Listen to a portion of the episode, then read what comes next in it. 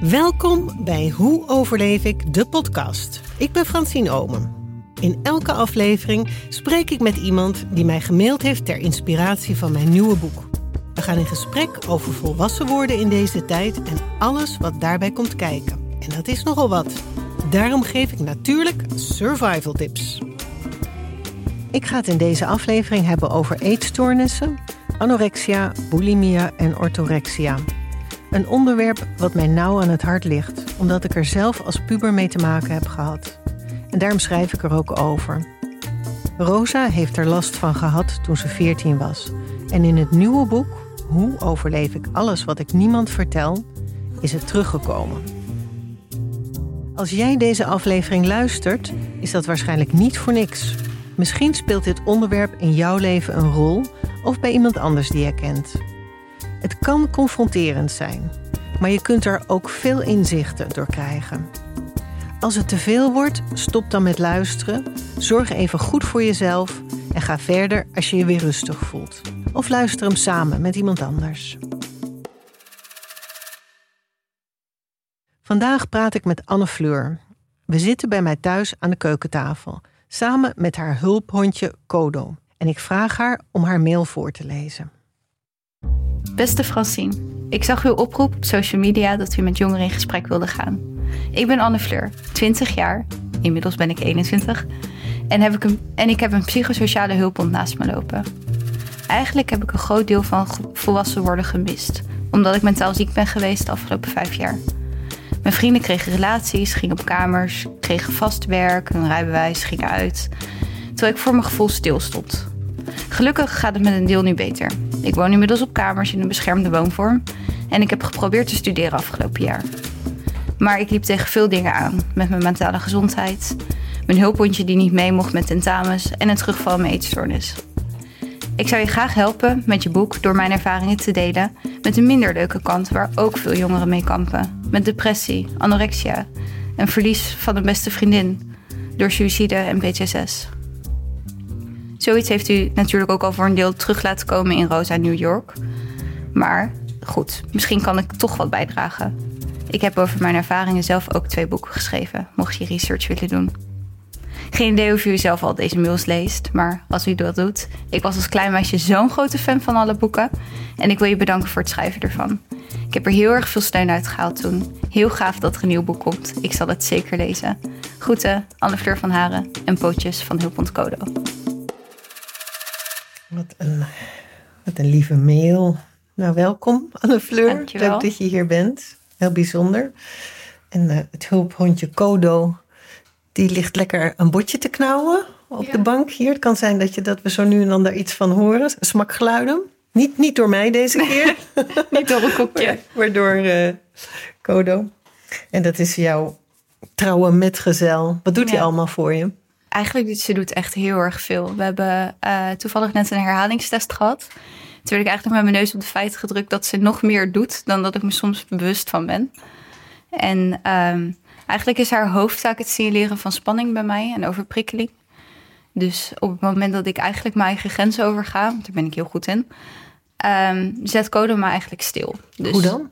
eh, nou, bijvoorbeeld door, eh, zij blaft dan, als ik zeg maar niet naar haar subtielere signalen luister. Want eerst gaat ze het aangeven door me aan te staren. En daarna gaat ze met haar neus tegen mijn knie aantikken van... Yo, baasje, je wordt een beetje, je gaat over je grens heen. En als ik daar niet naar luister, dan wordt ze op een gegeven moment gewoon vervelend. Dan gaat ze bijten, gaat ze blaffen. Net zolang totdat ik eigenlijk mijn rust pak. En als ik dan mijn rust pak, dan zie je haar ook neerploffen. Echt. Wauw. Het is echt bizar. Ongelooflijk. Ik wou dat ik zo'n hond had. ik ga ook heel vaak over mijn grenzen. Ja, het is eh, Ja. niet heel fijn, maar ze, Nee. het is wel, dus, ze is echt een levende spiegel. Ja. Ja. Ik denk dat er veel mensen over hun grenzen gaan tegenwoordig. Misschien zou iedereen eigenlijk een, eh, een codootje moeten hebben. Eigenlijk wel. Ja, we gaan het hebben over, ehm, over anorexia op de eerste plaats. Met, met, eh, met allerlei dingen daaromheen. Want het komt nooit alleen natuurlijk. Nee. Anorexia, eetstoornis. Ehm, en ik vind het vooral heel bijzonder met jou te praten. Omdat eh, ik, heb, ik het zelf ook gehad heb. Ehm, ik denk eigenlijk rond ongeveer dezelfde leeftijd. En... ehm, Van mijn vijftiende tot mijn zeventiende of achttiende. Hmm. En ehm, ja, het. het eh, ik heb jou voor het eerst in Utrecht ontmoet tijdens de presentatie van de podcast. En ehm, It Takes One to Know One. Ik weet niet of jij dat kent. Ik herken mensen met anorexia altijd gewoon in één oogopslag. Andere mensen valt het niet op. En daar was jij met Kodo. En, Ja. eh, Codo heeft behoorlijk van zich laten horen daar. ja, maar het was, was natuurlijk voor jou ook heel spannend, denk Ja, ik. het was heel druk, er waren heel veel mensen, heel veel prikkels. Ik vond het echt best intens. En ehm, nou ja, ik was toen net zelf, ik was letterlijk twee dagen thuis uit het ziekenhuis. Ik was eh, dus opgenomen omdat ik eh, eigenlijk, ik moest naar het ziekenhuis omdat het gewoon lichamelijk niet meer heel verantwoord, Je was verantwoord was. verzwakt, neem ik Ja. aan. Ja. Het was gewoon, en dat ik zelf ook dacht van ja, hoe dit, ik vond het zelf ook eng worden. En, en wat ik van mezelf heel erg herken is dat ik heel veel situaties bagatelliseer. Dus ah, nee, maar zo erg is het niet. Hmm. En anderen hebben het veel erger en het valt wel mee. En ik stel me aan. En heel erg in die. En daar zat ik toen ook heel erg in. En daarom schrok ik er ergens van dat ik van mezelf schrok. Dat ik dacht, misschien is het dan wel serieus. Mhm. Ehm, en toen, eh, ik heb op de NPU gelegen. Dat is een afdeling in het ziekenhuis... waarin ze eigenlijk eh, het somatische stuk en het psychische stuk combineren. Dus in het geval van een eetstoornis is dat eh, vaak duidelijk. Dat je lichamelijk iets hebt, dus bijvoorbeeld ondergewicht... of andere complicaties van andere manieren van compenseren... of iets in die richting. En dan ehm, met het psychische stuk van het eetstoornis... En ehm, ik heb daarvan februari tot en met eind maart, vijf weken, vijf, zes weken heb ik daar gezeten. En eh, ook eh, zes kilo aangekomen in re- redelijk korte tijd. Want dat is dan dus cru gezegd wel het hoofddoel. Terwijl dat eigenlijk verander je daar mentaal niet heel veel van. Maar het, ja, het is puur je uit de gevarenzone Want dat heet somatisch stabiliseren. Is eigenlijk gewoon zorgen dat er eten in komt. Ja. Dat er calorieën in komen. Ja, krom gezegd wel eigenlijk. Toch? Ja. En kreeg je, want ik zie dat je een zonde hebt. Ja. Die kreeg je daar ook. Het eh, lukte mij om een gedeelte zelf weer op te bouwen qua eten. Aha. Ik heb een. eh, ik- maar er was een soort. Ja, ik zit heel erg op nummers en calorieën gefocust. En er was een soort magische grens. En ik kwam er maar niet overheen om zeg maar zelf te eten. En dat moest wel van het ziekenhuis. En het was dan van ja, je kunt ook nu naar huis. Want het was zeg maar. Ik was al wel weer aan het opkrabbelen. Maar het klopte ook weer niet helemaal. Want mijn vochthuishouding was nog niet goed. En het was een beetje zoekende. En eh, toen was op een gegeven moment de optie van... weet je, dan spreken we af. Jij eet wat je kan. En je gaat met de diëtiste opbouwen. Een eetlijst en alles wat je niet gegeten krijgt. eh, ik vind dat jij zoveel calorieën per dag moet hebben.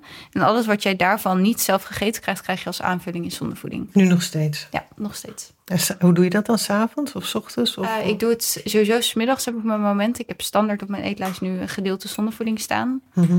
Ik heb heel veel irreële eigenlijk angsten. Bijvoorbeeld, ik vind gewicht van eten lastig. En dan is vloeibaar is makkelijker te verdragen of zo. Mhm. Is het logisch? Nee. Is het, is het gewoon zo nu? Ja, helaas wel. Als ik zeg maar eh, dan over de dag heen nog meer mis... of een eetmoment niet durf... of heel erg in paniek ben... dan kan ik terugvallen op zonnevoeding. Dan kan ik zeg maar die pomp nog een keer aanzetten. En, ik heb En dat doseer je zelf? Ja. En daar zitten allerlei thuis. essentiële mineralen, zouten, proteïne, weet Ja. ik wat allemaal in. Ja. Maar ze zijn dus in het ziekenhuis heel erg gefixeerd op gewichtstoename. Ja, dat is een meetbare factor. Een meetbaar factor, die gaan we in ons achterhoofd houden. En je zegt van het is, ehm, er wordt ook, ehm, het is psychomedisch. Ehm, wordt er ook aandacht besteed aan de oorzaak van je anorexia? Gaan ze ook onderzoeken? Nee, de verpleging die is wel. eh, de verpleging gaat best wel vaak het gesprek met je aan. Ik had standaard twee contactmomenten met de verpleging op een dag. En daar. je kunt wel gewoon je ei kwijt bij de verpleging. Ze zijn geen behandelaren, maar ze kunnen wel goed luisteren. Want nou ja, ze kiezen niet voor niets een beroep in de psychiatrie. Ehm, ik had zelf, je krijgt niet echt therapie daar. Je hebt wel eh, activiteitenbegeleiding. Dus je hebt een hele grote creatieve ruimte hadden wij. Dus we hadden echt heel veel, ehm, nou ja, echt wat je, wat je ook maar kan bedenken aan creativiteit was er. We hadden zeg maar houtbranden, tot kleien, tot zagen, echt van alles. En ik kreeg daarnaast ook fysiotherapie. En de eerste keer dacht ik echt, hoezo fysiotherapie? Ik heb toch niks aan mijn benen of zo. Maar eigenlijk ehm, was dat gericht op je lichaamsbeleving. En ik kreeg ook fysiotherapie. En mijn fysiotherapie bestond uit minder bewegen. En dat lijkt heel gek, want je gaat naar hoor. fysiotherapeut om te bewegen. Maar ik werd daar stilgezet. Ik werd bijvoorbeeld, eh, ik moest leren doseren. Dus ik, eh, want ik ging altijd maar door, door, door. En met fysiotherapie moest ik gaan eh, leren stilzitten, Ja, eigenlijk. Ja.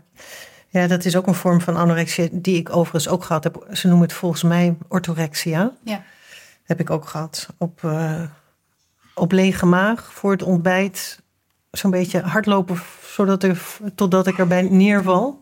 Nee, ik heb zo'n pokkenhekel aan hardlopen eigenlijk. Ja, ik Als ik ga hardlopen, dan, kun je, dan weet je dat je even moet opletten. Want ik, Ik- heb zo'n hekel aan. Ik heb er ook een pokkenhekel aan. Maar ik had een stem in mijn hoofd die zei: ehm, Dat moet jij. Ja. En dan, als je dat gedaan hebt, je zo lang hebt hard gelopen, dan krijg je een halve droge boterham als je thuis komt. Zoiets. En dan liet ik vaak nog de helft staan van die halve droog. Maar ik wil het dus graag hebben eigenlijk over die stem, waar ik het nu over heb. Die strenge stem die bij mij zei van, je gaat eerst hardlopen. Wat zou die nu zeggen? Ik weet Word jij, niet. word jij nu meer gespannen? Mm, niet per se. Ik denk dat ze meer doorheeft dat het serieuzer wordt of zo. Oké. Ik vind het wel leuk om een soort ondertiteling Ja. van Codo erbij te hebben. Eigenlijk doet ze ook mee in de podcast. Code wil zich denk ik ook heel graag bij het gesprek, eh, mengen- aan het, in het gesprek mengen. Ja, over dat bewegen. Eh, Nou ja, ik dans al sinds mijn derde. Ik ben echt opgegroeid met dansen. Volgens mijn moeder danste ik al toen ik zeg maar net kon staan. In de baarmoeder waarschijnlijk Ja. al. Bij wijze van spreken denk ik wel. En nou ja, eigenlijk wel, want mijn moeder danste ook. Dus eigenlijk danste ik mee in de baarmoeder waarschijnlijk. Precies, ja. Maar ehm, daarin zeg maar heel veel, heel veel eh, artsen of behandelaren... die zien eh, dansen dan als een eh, vorm van beweging. Dus als bewegingsdrang. Terwijl voor mij dansen echt geen bewegingsdrang is. Dansen is echt voor mij een manier waarin ik, me kwijt, waarin ik mijn gevoel kwijt kan... en me kan uiten en waarop ik nergens anders mee bezig ben. Dansen is een vorm van expressie. Ja, En ik zeg heel vaak, de remedie tegen depressie is expressie. En dat kan op wat voor manier dan ook, want je hebt een andere expressievorm, dat schrijven. Dat Ja. doe je dus ook. En, eh, maar alle dingen kunnen natuurlijk in de overdrive gaan. Hè? Ja. Dat is, eh, en dat ligt eraan of, of die stem aanwezig is van... Je moet dansen, maar bij jou was die er daar dus niet. Het was nee, een- dat is het enige moment waarop je juist stil ja, is. en op het moment dus dat je iemand zegt van ja, je moet niet zoveel bewegen, je moet niet zoveel dansen. Ja, het was wel voor mij een wake-up call toen ik merkte dat ik het niet meer kon. Ik had Mhm. afgelopen januari dat ik op een gegeven moment echt dacht... Ja, maar ik, ik, het lukt gewoon niet. Ook met Kodo uitlaten. Ik liep de trap af beneden en ik was kapot. Ik had het idee, ik ga tegen de vlakte aan. Ja. En dat was wel echt een moment dat ik dacht... ja, maar dit gaat gewoon niet zo. En dat was voor jou dus ook een soort turning point om te, te zeggen: oké, ik wil hulp. ja. Ja. En nu moest ik eigenlijk voor het eerst heel erg voor mezelf gaan staan... van ja, maar dit gaat niet goed als er nu niks gebeurt. En dat heb je moeilijk. gedaan. Ik heb het wel gedaan. Dus die crisis, ja. die heeft jou ook wat gebracht. Ja, Ja. ergens wel. Ja. Elke crisis brengt iets goeds. Als je er iets goeds mee doet.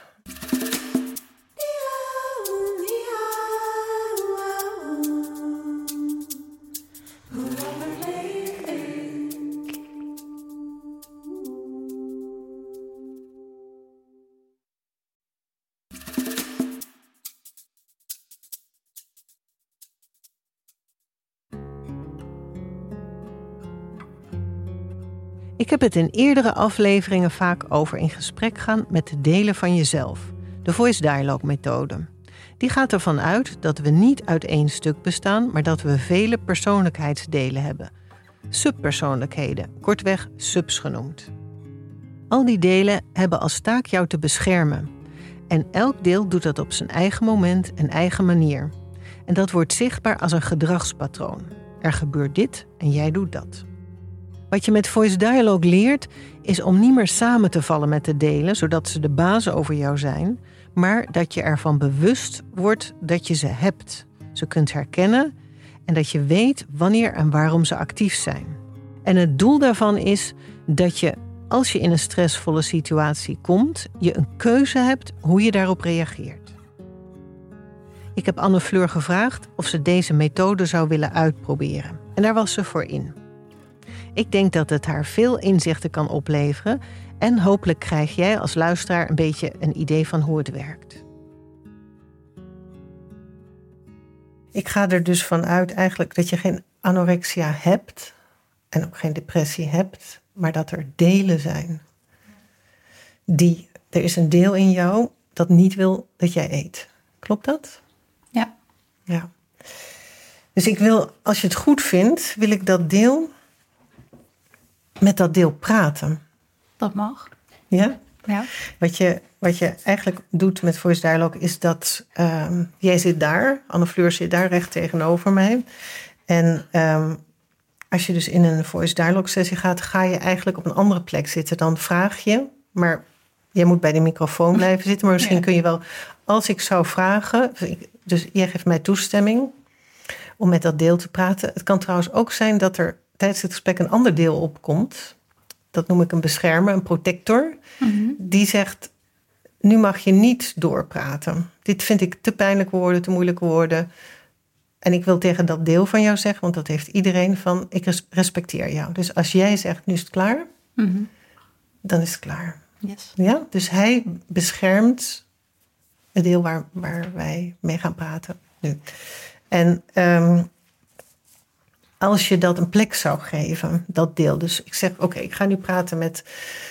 eh, dan vraag ik aan jou, waar in de ruimte zou jij gaan willen zitten? Hoe, hoe wil jij heel dicht naast Anne Fleur zitten? Of wil je liever in die hoek? Of wil je, er is een deur met slaapkamer hierachter. Waar wil jij gaan? Of onder de tafel? Waar in de ruimte? Dus jij hebt een hele goede fantasie, goed voorstellingsvermogen, dat voel ik. Ik denk ehm, bovenop. Hi. Kom je eventjes even heel erg om aandacht vragen. Code? Ik denk eh, helemaal bovenop op de schouders. Ja, dus ze, Gewoon zit, eroverheen hangend. ja, ze hangt helemaal, ze is, ze is super present. Ja. ja. Dus ze hangt helemaal over jou heen. Hoe heet jij? Deel van Anne Fleur en we praten over jou in de derde persoon. Hè? Hoe heet jij? Heb jij een Eh, naam? We hebben het... eh, Anne Fleur heeft mij met begeleiding Inner Bitch gedoopt. Oké, de inner bitch. Ja. En hoe zie jij eruit, inner bitch? Ik spreek jou dus ook aan. Mag ik jou aanspreken als inner bitch? Ja, hoor. Oké, inner bitch. Ehm, eigenlijk als een soort ehm, zwart overheersend blob. Ja, je bent een blob, zwart en overheersend. Ja, een soort alles, een soort grote schaduw die ergens boven hangt. Een soort intimiderende. Het woord cover-up komt in mij op. Ben jij een cover-up van Anne Fleur? mm, nou ja, ik zorg ervoor dat ze onzichtbaarder wordt. Ja, dus klopt ergens wel. Voor een deel wel, ja. Ja. Dus je bent een groot zwarte blob, je hangt over Anne Fleur heen. En wanneer kwam jij voor het eerst in Anne Fleurs leven? Inner bitch. Ik ben een beetje vervormd van vorm. Ja. Eh, ze kent me al sinds eh de achtste, negende. Maar ik ben later pas op eh, het eten gaan zitten. Dus ik ben eigenlijk een beetje vervormd. Mijn rol is veranderd. Dus ik, eh, va- op het eten kwam rond de veertiende, vijftiende. Ja, dus toen was jij nog rond de achtste, negende kwam jij in haar leven. Toen was je nog een beetje een klein blopje. En wat, wat was toen, wat zei je toen tegen haar? Dus je bent, Anne Fleur was acht, negen jaar. Ja, op dat moment had ze heel erg veel pijn aan eh eczeem onder andere. Ze heeft ichthyose en heeft al haar hele leven eczeem gehad. En eh, dat was de eerste keer dat ze echt een eczeemaanval had, dat het ontstoken was. Dus ze kon niet zitten, ze, liggen deed zeer, lopen deed pijn, alles deed zeer. En op school werd ze daarvoor gepest, want ze zag er anders uit en dat was creepy en besmettelijk. En ik ging even heel goed benadrukken dat die mensen allemaal gelijk hadden. Dat het inderdaad zo was. Oké, dus dat is mijn volgende vraag. Wat zei jij toen tegen haar? Dus inner bitch, uh, Anne Fleur is acht, negen jaar. Zit onder de eczeem, heeft eigenlijk heel veel pijn. Want eczeem doet ontzettend veel pijn. En je hebt geen rustig moment in je eigen lichaam. Wat zei jij tegen haar inner bitch? dat, het dat, dat, dat ze het verdiende ergens. Maar ook dat het, ehm, dat het eigenlijk beter zou zijn als je gewoon van een brug afrijdt of zo. Nou, dan Mhm. acht, acht, negen. Maar dat ik het eigenlijk dat ik het niet zo erg zou vinden als ze ergens vanaf zou vallen of zo. En eh, dat die mensen die dat allemaal tegen haar zeiden, dat ze waarschijnlijk wel een punt hadden. Want anders zouden ze niet tegen je zeggen dat je lelijk bent. Of, want als er geen waarheid achter zit, waarom zou iemand het dan zeggen? En hoe vond jij dat Anne Fleur zich moest gedragen? Dus vooral heel erg stilhouden, niet te veel zeggen. Ehm, heel veel aanpassen, heel veel, ehm, zoveel mogelijk op de achtergrond zijn eigenlijk. Zo min mogelijk ruimte innemen. Anne Fleur kon bestaan als ze heel weinig ruimte innam. Want dat deed ze al te veel. Met de zorgen die ze bijvoorbeeld haar ouders gaf. Met, ik ben, eh, ze, was, eh, ze heeft een hartafwijking gehad. Dus ze is de eerste zes, zeven jaar van haar leven heel erg veel ziek geweest. Is geopereerd. En eh, andere mensen hebben altijd heel veel zorgen om haar gehad. En op een gegeven moment was het zo van... ehm, als ik nou kleiner ben en er maar kleiner hou... dan ehm, neemt ze wat minder ruimte in bij anderen hopelijk. Dat, eh, dat ze wat minder zorgen geeft aan anderen. Dus over het algemeen Ja. gewoon minder is. Minder, ja. Ja, dus eigenlijk is Anne Fleur mensen tot last volgens jou. Ja. Ja. En geeft de omgeving daar ook signaal van? Want, want hoe gingen de ouders om met de ziekte van, van Anne Fleur? Dat ze een hartafwijking had en veel zorg nodig had? Eh, nee, ik denk dat ik dat altijd wel heb gezien dat dat, ehm, dat het ze raakte. Gewoon, dat, nou ja, maakte zich natuurlijk heel erg veel zorgen. Het was een, eh, de operatie was ook, een, volgens mij heeft die negen uur geduurd of zo, acht of negen. Want Anne Fleur is ge- geopereerd Ja. to- toen ze hoe oud was? Eh, zes. Zes jaar. En mijn, ehm, mijn moeder die vindt het nog steeds moeilijk om daarover te praten soms. Bijvoorbeeld, eh, mijn moeder kan nog steeds heel moeilijk praten over dat mijn drain eruit wordt gehaald. Bijvoorbeeld, ik had een drain zitten na de operatie. En ik weet er zelf niks meer van. Eh, maar mijn moeder vindt het nog steeds, die kan nog steeds volschieten als ze daarover heeft. Omdat ze het zo naar vond om te zien dat haar kind zoveel pijn had. En ik denk dat ik dat ergens ook wel een beetje heb opgeslagen. Dat zeg maar. Dat Inner bitch, ja? ja, dat, dat, dat zeg maar mijn ouders zoveel zorgen hadden. En dat ik ergens onbewust dan dat die bitch had omgeslagen. Zo van, ja, maar dat is jouw schuld. Dat zij zoveel zorgen hebben. Dus eigenlijk vind, de- vind jij, de inner bitch, ik praat weer tegen dat deel. Jij vindt het heel erg naar dat de ouders van Anne Fleur zoveel verdriet over haar en zorg over haar gehad hebben. Dat doet pijn. Je wil niet dat, dat eh, Anne Fleurs ouders verdrietig zijn. Je wil ze gelukkig zien en gelukkig maken. En dat ze trots op haar zijn en blij zijn met haar. En dat je gewoon een vrolijk meisje bent wat rondhuppelt en danst. ja. Ja, Maar eigenlijk doe ik onbewust dus het tegenovergestelde. Want juist door meer invloed uit te oefenen op Anne Fleur... ehm, zorg ik ervoor dat de ouders alleen maar meer zorgen maken. ja. Dus jij wilde eigenlijk, jij probeerde Anne Fleur te helpen op jouw manier. Het heeft een beetje het uh, averechts effect gehad. Ja. Dus eigenlijk, mijn vraag was: hoe wil je dat Anne Fleur zich gedraagt? Nou, zo min mogelijk ruimte innemen, zo min mogelijk tot andere mensen tot last zijn. Klopt dat? En wat gebeurt er als Anne Fleur zich niet gedraagt zoals jij wilt? Wat gebeurt er als Anne Fleur meer ruimte inneemt? Dan uh, ga ik behoorlijk in verzet. En ik lijk dan wel te schreeuwen. En eigenlijk blokkeer ik dan heel erg in uh, het mag niet. Of dat mag niet. Mm -hmm. Dus dan zeg je tegen Anne Fleur, dat ja. mag niet. Ja. Wat mag niet dan bijvoorbeeld?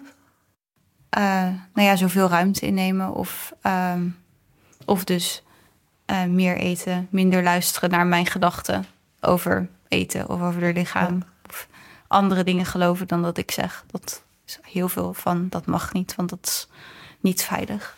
Dat nee. kennen we niet. Niet veilig. Dus als Anne Fleur gaat, zou gaan eten, is niet veilig. Kennen we niet, zei je net? Nee, ik zorg ervoor dat haar wereld heel voorspelbaar is door het zo klein te maken. Ja. Dus het is zeg maar kut, en vervelend en naar en koud, letterlijk. Maar het is wel voorspelbaar. Ja. We weten wel dus het is hebben. veilig. We weten Ja. waar we aan toe zijn. Door zo, we, we hebben gewoon zeg maar ons vaste programma. Ja. En daar houden we ons aan. En als Anne Fleur zich daar niet aan houdt, dan weten wij niet meer. Weet jij eigenlijk niet meer wat je moet doen. Nee. Nee. En wat is jouw grootste angst, als ik vragen mag, Inner Bitch? Ehm, ik denk eh, om controle te verliezen. Ja. En dat ik. Ik ben bang dat het erger wordt dan dat het op dit moment is. Dus dat, ehm, dat ze ongelukkiger wordt als ik er niet ben. Ja, dus dit, dit zeg maar, dit gewone ongeluk, dit, deze gewone kuttoestand, zomaar even, Ja. dat is in ieder geval, je houdt een soort van dat in balans. Net kut genoeg. Precies kut genoeg. En eh, minder kut is nog wel spannend. Ja, want dat ken ik niet zo goed. Het is onbekend. Ja. En dat is gekoppeld aan meer ruimte innemen. Ja.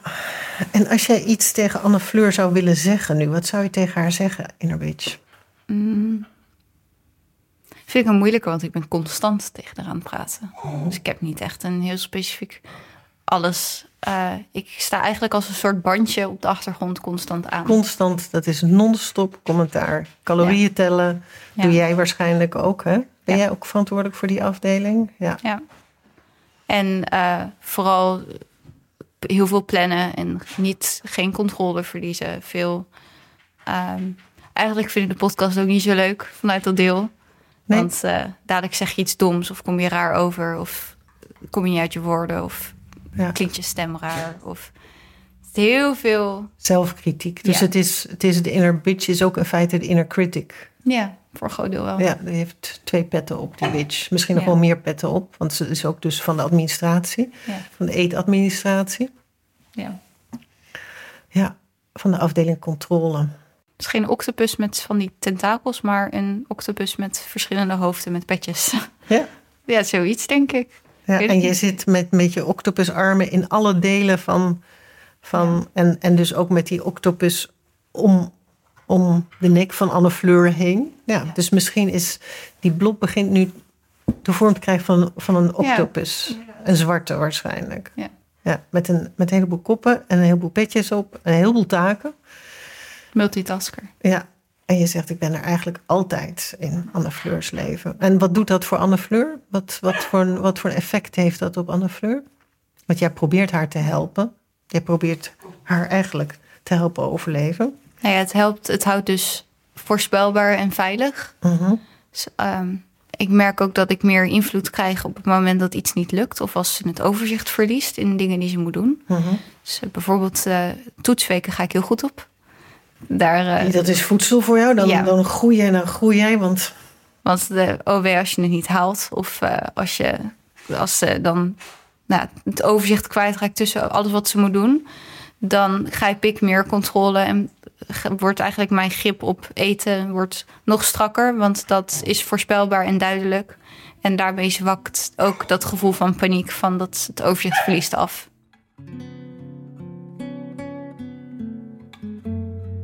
Kodo maakt intussen meer geluid. Hij fungeert als haar spanningssensor. Ik praat met de inner bitch. Anne Fleurs overlevingsstrategie. Haar bodyguard. Haar bodyguard, letterlijk. Bodyguards opereren het liefst buiten beeld. Want als ze in beeld komen, kunnen ze uitgeschakeld worden... en dan blijft degene die ze moeten beschermen onbeschermd achter. Dus de inner bitch denkt: wat gebeurt er hier? Ik ben hier niet van gediend. Ik wil niet exposed worden. En dat uit zich als spanning, innerlijke spanning. En dat pikt code op dus. Maar de vraag is: wat wil er niet exposed worden? De pijnlijke, complexe kern van de zaak. Anne Fleur wil niemand teleurstellen. Ze heeft een sterk aanwezige innerlijke perfectionist en innerlijke criticus. Ze wil een lief, goed, mooi meisje zijn dat haar ouders blij, trots en gelukkig maakt. Dat willen alle kinderen. Want als ze daarin slagen, krijgen ze wat ze nodig hebben: liefde en aandacht. Maar Anne Fleur is heel ziek geweest als kind en ook heel lang. En ze zag geen lachende, trotse, blije gezichten om zich heen, maar altijd bezorgde, verdrietige en angstige gezichten. En dat werd voor haar gevoel veroorzaakt door haar. Anne Fleur vertelde me net iets belangrijks. Zodra ze iets uitdagends wil gaan doen, iets wat buiten haar comfortzone ligt, waar dus een mogelijkheid is dat ze iets fout of verkeerd doet, wordt de inner bitch met de perfectionistenpet op heel gespannen. De innerlijke criticus ook. Want Anne Fleur mag niet falen. Als ze dat dreigt te gaan doen, dan trekken ze hun teugels aan. Een spannende situatie betekent minder eten. De tactiek hierachter zou kunnen zijn aandacht afleiden. Dit klinkt misschien een beetje raar, maar ik ga het uitleggen. De focus wordt verlegd. Die gaat dan naar het problematische niet eten, de honger en het gevaar van gewichtsverlies. En de spannende onderneming verdwijnt uit beeld. Zou het kunnen zijn dat haar eetstoornis eigenlijk een afleidingsmanoeuvre is? Dus toch een cover-up. Een cover-up als een beschermende deken over het bange kinddeel dat in Anne Fleur leeft. Het deel dat het gevoel heeft dat het iets fout gedaan heeft. Dus de eetstoornis is niet het probleem, maar het gevolg van een probleem. Een tot nu toe nog verborgen gebleven probleem. En het is dat probleem dat heel weinig ruimte in mag nemen, dat onzichtbaar is, dat mogelijk omringd is door schaamte en schuldgevoel. En dat dat probleem uit zicht blijft, is nu precies de bedoeling van de inner bitch. Waar ik nu er heel erg achter kom, is dat een eetstoornis, of in dit geval een octopus, heel veel verschillende functies heeft. Dus mijn wereld voorspelbaar, klein maken, maar ook emotie onderdrukken of ergens wel controle over hebben, wel een succeservaring hebben van dit kun je wel. En het heeft zoveel verschillende verschillende uh, functies. Dat het eigenlijk, nou, dat het dus is, dan heb je één functie afgepeld en een soort van opgelost. Mhm. En dan smekt er ergens anders dus wel weer een tentakel terug van. Mhm. Oh, dit doet het dus ook nog. Of het morft eigenlijk naar weer nieuwe functies toe. Als je ja, niet uitkijkt. Nou ja, hij zei in het begin al: ik ben er altijd en overal. En eigenlijk is, is, is Anne Fleur de inner bitch geworden. Ja, ik vind het heel moeilijk om dat los te zien. Ja, maar in ieder geval zijn we daarmee begonnen. Want we weten nu dat er een inner bitch is. Een inner octopus. Een inner bitch octopus. Hoe zullen we er noemen? Bitchy. Bitchopus. Bitchopus. dat is een leuk woord. Bitchopus. Bitchopus. Dat is een hele mooie, ja. Um, Octobitch. Octobitch, die, die is nog beter. De octo, die is, die is heel goed. Ja, de Octobitch. heel mooi is die.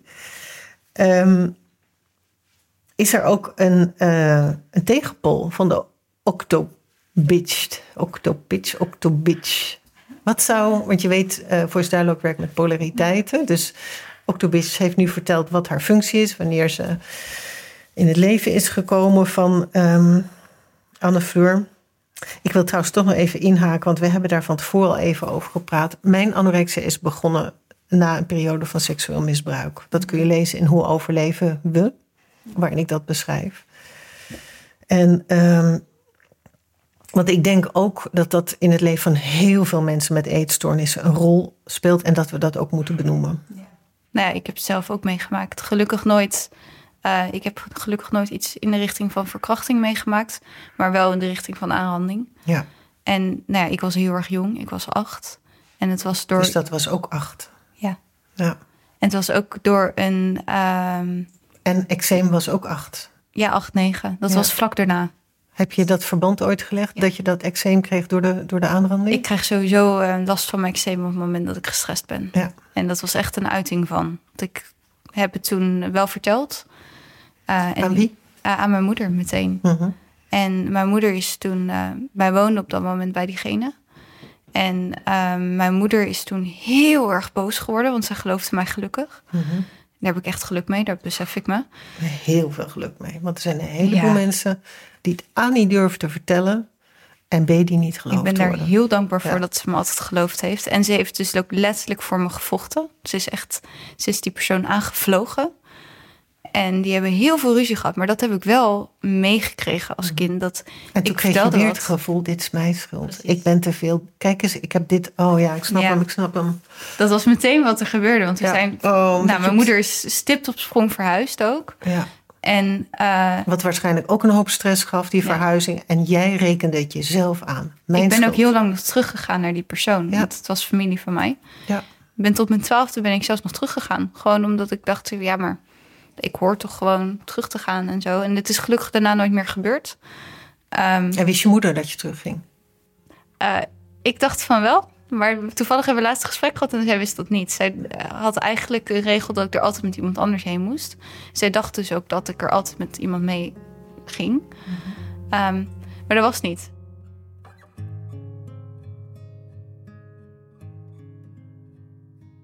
Anne Fleur had aan haar moeder verteld wat er gebeurd was. Ze woonden op dat moment met z'n tweetjes bij de dader in huis. Anne Fleur had al heel wat achter de rug, namelijk de scheiding van haar ouders. De dader gaf hen onderdak. Haar moeder confronteerde de dader ermee. Als je jong bent, betrek je alles wat er gebeurt op jezelf. Je hebt nog geen perspectief, geen overzicht. Je denkt over veel dingen: dit is mijn schuld, dit heb ik veroorzaakt. En voor Anne Fleur betekende dit alweer ongelukkige, boze, verdrietige gezichten. Mijn schuld. Schuldgevoel veroorzaakt zelfhaat. Als je dingen in jouw ogen fout doet, kun je de neiging krijgen jezelf te straffen, jezelf pijn te doen, op welke manier dan ook. Door jezelf uit te hongeren bijvoorbeeld. En het bijeffect van jezelf uithongeren is dat je heel energieloos wordt. En dat onderdrukt weer emoties. Het is als een soort verdoving. Je bent alleen nog maar bezig met eten en niet eten, de honger of de pijn. Jezelf straffen is eigenlijk een vorm van zelfdestructie. Anne Fleur is super eerlijk en ze vertelde me iets heel kwetsbaars. Nadat het uitgekomen was, bleef ze op bezoek gaan bij de dader, van haar achtste tot haar twaalfde. Haar moeder dacht dat ze daar samen met iemand heen ging, maar dat was niet zo. Er is iets heel ingewikkeld aan misbruik dat onder de vlag van liefde plaatsvindt. Ik heb het zelf meegemaakt. Je krijgt liefdevolle aandacht, maar op een manier die niet door de beugel kan. Je hebt het nodig en het is fijn, maar het mag niet. Het is slecht en het is verboden. Dat veroorzaakt intern grote verwarring en schuldgevoel dus. De Octobitch van Anne Fleur is een heel gespannen en controlerend deel. En nu gaan we samen op zoek naar de tegenpool van de Octobitch. Een ontspannen en vrij deel.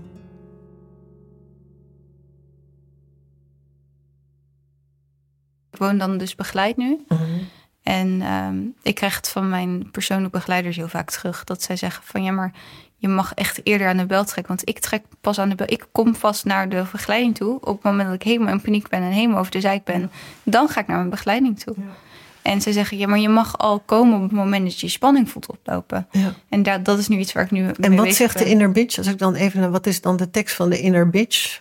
Als je dus zegt van ja, je mag eerder komen, wat zegt de inner bitch dan? Ja, maar dan is het toch nog niet nodig. Dan, dan, ja, maar dan, ga, dan gaat het nog. Dus waarom, dan ga je toch niet dan al om aandacht vragen? Dat doe je alleen als het echt niet meer gaat. Dat, dat is een beetje de, de overtuiging die ik moet proberen door te breken. Ja, laten we eens proberen de tegenpool van de inner bitch te vinden. Nee, de octo De bitch. De octo we moeten er de octo bitch noemen. Als je dat woord zegt, dan zie ik er ook. Zie je dat ook? Ik vind het fantastisch. Jij bent een dan. Nou, dat is een ingeving die ik nu krijg. Ik zou de, de octo bitch. Ik heb trouwens ook een octopus in mijn assortiment zitten hoor. Maar die heeft met iets anders te maken. Maar ik zal hem je straks laten zien. Ehm, zou je de octo bitch kunnen dansen? Nooit geprobeerd, maar ik heb wel meteen zoiets van... Oeh, dat lijkt me een heel gaaf idee. Ik heb het idee dat Octo Bitch dat ook leuk vindt. Als jij, want dan mag ze er zijn. Hè? Want weet je, ze heeft jou ook echt geprobeerd te helpen en te beschermen al die jaren. Hè? Het is ook bijna, ik zie het bijna een soort van. Plakkerige, zuignapperige knuffel. Ja, maar ook bijna een eerbetoon als een, een dank aan van... Ze heeft haar best Ze heeft keihard gewerkt voor jou, op haar manier. Hè? Maar het lijkt me heel gaaf als je haar danst. Ja, dat is echt wel een heel goed idee. Toevallig, eh, ik ga binnenkort optreden met, met mijn beste vriendin... met een andere dans die we hebben gemaakt. Ook een expressiestuk. Dat is het lievelingsnummer van die vriendin van mij, die is overleden. En ehm, eigenlijk is het wel een mooi nieuw project. Want ik was eigenlijk nog op zoek naar een Ja, nieuw maar dan gaan we nu even kijken of we ook, die hoort dan ook in de dans, de tegenpol van de Octobitch, Octobitch zou kunnen vinden. Ja, ik denk dat ik dat misschien wel ben als ik dans. Ik, ehm, Ja, want als je danst, Dan stopt dat dus. Dan is het eigenlijk het enige moment waarop die Octobitch dan eigenlijk zo goed als stil is. En dat, dat is heel moeilijk om van me af te pakken, het dansen, zeg maar. Dat, dus ze doet haar best. Maar dat is eh, bijvoorbeeld spiegels en zo met in een danszaal. Dat is wel echt pittig. En ze doet daar wel haar best. Maar zodra de muziek eenmaal begint, dan kan ik dat wel loslaten. En dat is dat. En op het moment dat ik met Kodo ben. Dus met Kodo aan het lopen ben of aan het wandelen ben. Dat zijn de momenten eigenlijk waarop ik het idee heb dat ik dat meer zij, richting dat, zij, mezelf... ja, en dat zij dus relaxed en dat jij, Anne Fleur centraal, Ja. dat jij eventjes kan loskomen uit die omhelzing. Want het is eigenlijk een soort van bijna dodelijke omhelzing van de Octobitch. Dat jij daaruit kan opreizen. En dan de polariteit van de Octobitch is een danser. En een danser neemt ruimte in. ja. Een danser vult de ruimte op een prachtige manier. Op een manier waarmee die eigenlijk heel veel geeft aan, aan de wereld. Dus hoe, zie- hoe zie jij de, de tegenpol? Komt er een naam omhoog? Hoe, hoe, een danser, zeg je? Nee, ik denk misschien wel gewoon de danser. De danser. We- Ja, oké. Ga- Kunnen we een heel kort gesprekje nog met de danser hebben? Ja? Oké. Waar neem jij, als jij in de ruimte je zou plaatsen, danser, ik noem jou de danser. Waar ga jij dan staan of zitten of, ten, of lopen ten, ten opzichte van Anne Fleur? Achter. Achter, je staat achter haar. Mhm. Hoe sta je achter haar?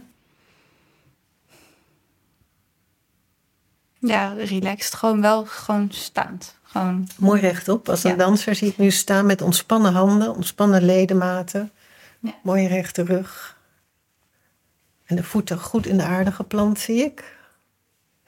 En heel rustig en warm voelde het voor mij als, ik, als ik naar de danser kijk. Want dat is de energie die nou uit jou komt. dat is ook denk ik wel... Ik, ik, ik, zeg- ik, je zegt het zo en ik denk, ja, dat klopt ook wel. Dat is, ik denk dat dat echt de ultieme tegenpool is. En hoe staat de danser? Danser, hoe sta jij tegenover verandering? Dans is verandering. Ja. Het is verandering letterlijk van plek, van alles. In, de, in het ziekenhuis heeft de fysiotherapeut nog tegen mij gezegd dat het leven dans is. Ja. Leven is dansen tussen licht en donker, eb en vloed. Ja. En dat- dat is het ook. Je vera- Ja. je, in dansen verander je constant. Van, Ja. Je verandert van richting, van beweging, van eigenlijk van alles. Ja. Je Soms onderzoekt van de ruimte, je onderzoekt je lichaam. Je... Ja. Oh, wat mooi. Prachtig. Ja. En dus elke keer als, als Octobitch bitch met haar tentakeltjes... op het moment dus dat de danser iets zegt... dus want daar begon het mee, dat hij iets liefs zei... dat hij iets steunend zei. Zei Anne Fleur, je mag er zijn. Je bent gewoon geweldig. Je mag ruimte innemen. Je bent mensen niet tot last. Je hebt juist heel veel te geven aan de wereld. Ik hoop het uiteindelijk. Dat weet je, schat. Een deel, Ja. een deel van jou weet dat. Dat dat zo is. Want anders zat je hier niet. Dat. Anders was je niet gekomen. Had je niet de enorme inspanning en spanning aangegaan. Heb je trouwens in de gaten hoe Ja, rustig Kodo is? Die ligt gewoon te pitten. De Kodo is echt mijn leven de spiegel hoor. Aan- Je kunt aan Kodo zien of ik... Ja. Maar die ligt gewoon ik nou voor de luisteraar. Die Kodo ligt nu gewoon helemaal chill tegen Lotus aan. En ligt lekker Zeg maar. Kodo is een beetje de Hector uit jouw boek. Ja. Dat, eh, die waakhond. Ja. Dat heeft Kodo ook, maar dan met mijn spanning. En zodra mijn spanning zakt, dan zie ik dus Ik Kodo zou echt ook willen dat ik een Kodo had hoor. En dus ik moet, betekent dus dat ik mijn innerlijke Kodo moet activeren en naar moet luisteren. Hè? Heb je nog een deel erbij? Heb ik nog een deel erbij. Ja, want ik ben op het moment ook best wel heel gestrest en gespannen. Want ik moet dat, ik moet dan dat boek afmaken. Dat boek, jullie boek. en zo goed mogelijk. Dat moet het allerbeste boek worden dat ik ooit geschreven heb. Als je, al zou je drie zinnen op papier zetten, denk ik dat ik het nog zou lezen. ja, maar goed, ik heb ook net zoals jij een deel dat perfectionist is. Je weet, je kent mijn tang. Die ook een heleboel de innerlijke slavendrijver, de perfectionist, de innerlijke criticus. Zij heeft ook een heleboel koppen eigenlijk. Met een strakke knot. Dus um, ja, het is, uh, ik vind het fantastisch, want ik kan ook gewoon zien, jouw Octobitch, en ik kan je danser zien die daar prachtig staat. Dank je wel voor je komst. Ja, bedankt dat ik mocht komen. Ja, en ik wil heel graag je dans zien. Ga ik zeker laten zien. Ja, dan ga ik heel, heel erg huilen, denk ik, van ontroering. Oké, okay, dank je wel.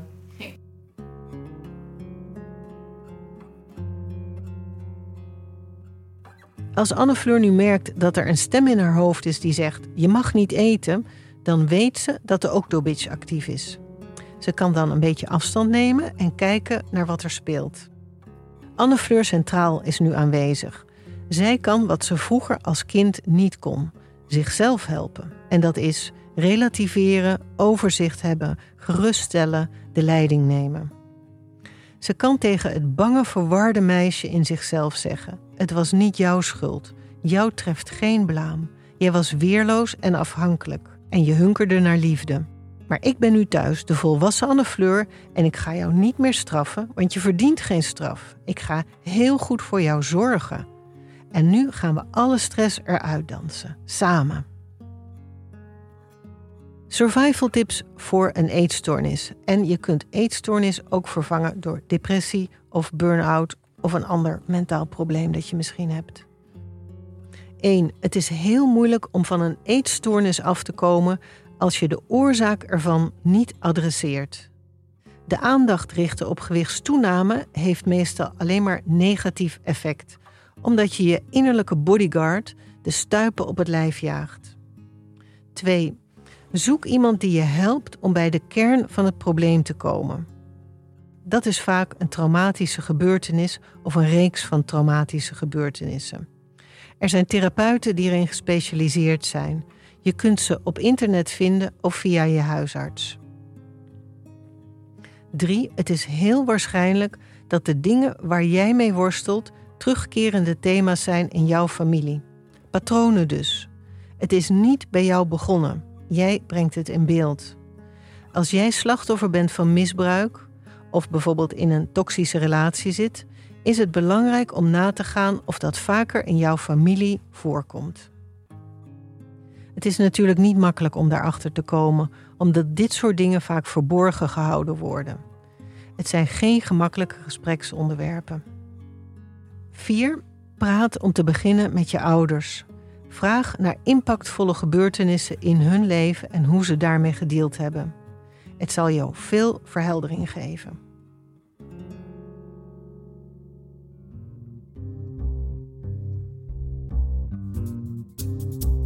Dankjewel voor het luisteren naar deze aflevering. Volgende week is er weer een QA-aflevering waarin ik jullie vragen beantwoord. Hopelijk tot dan.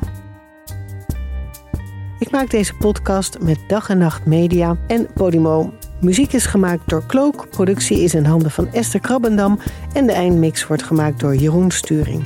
Tot volgende week.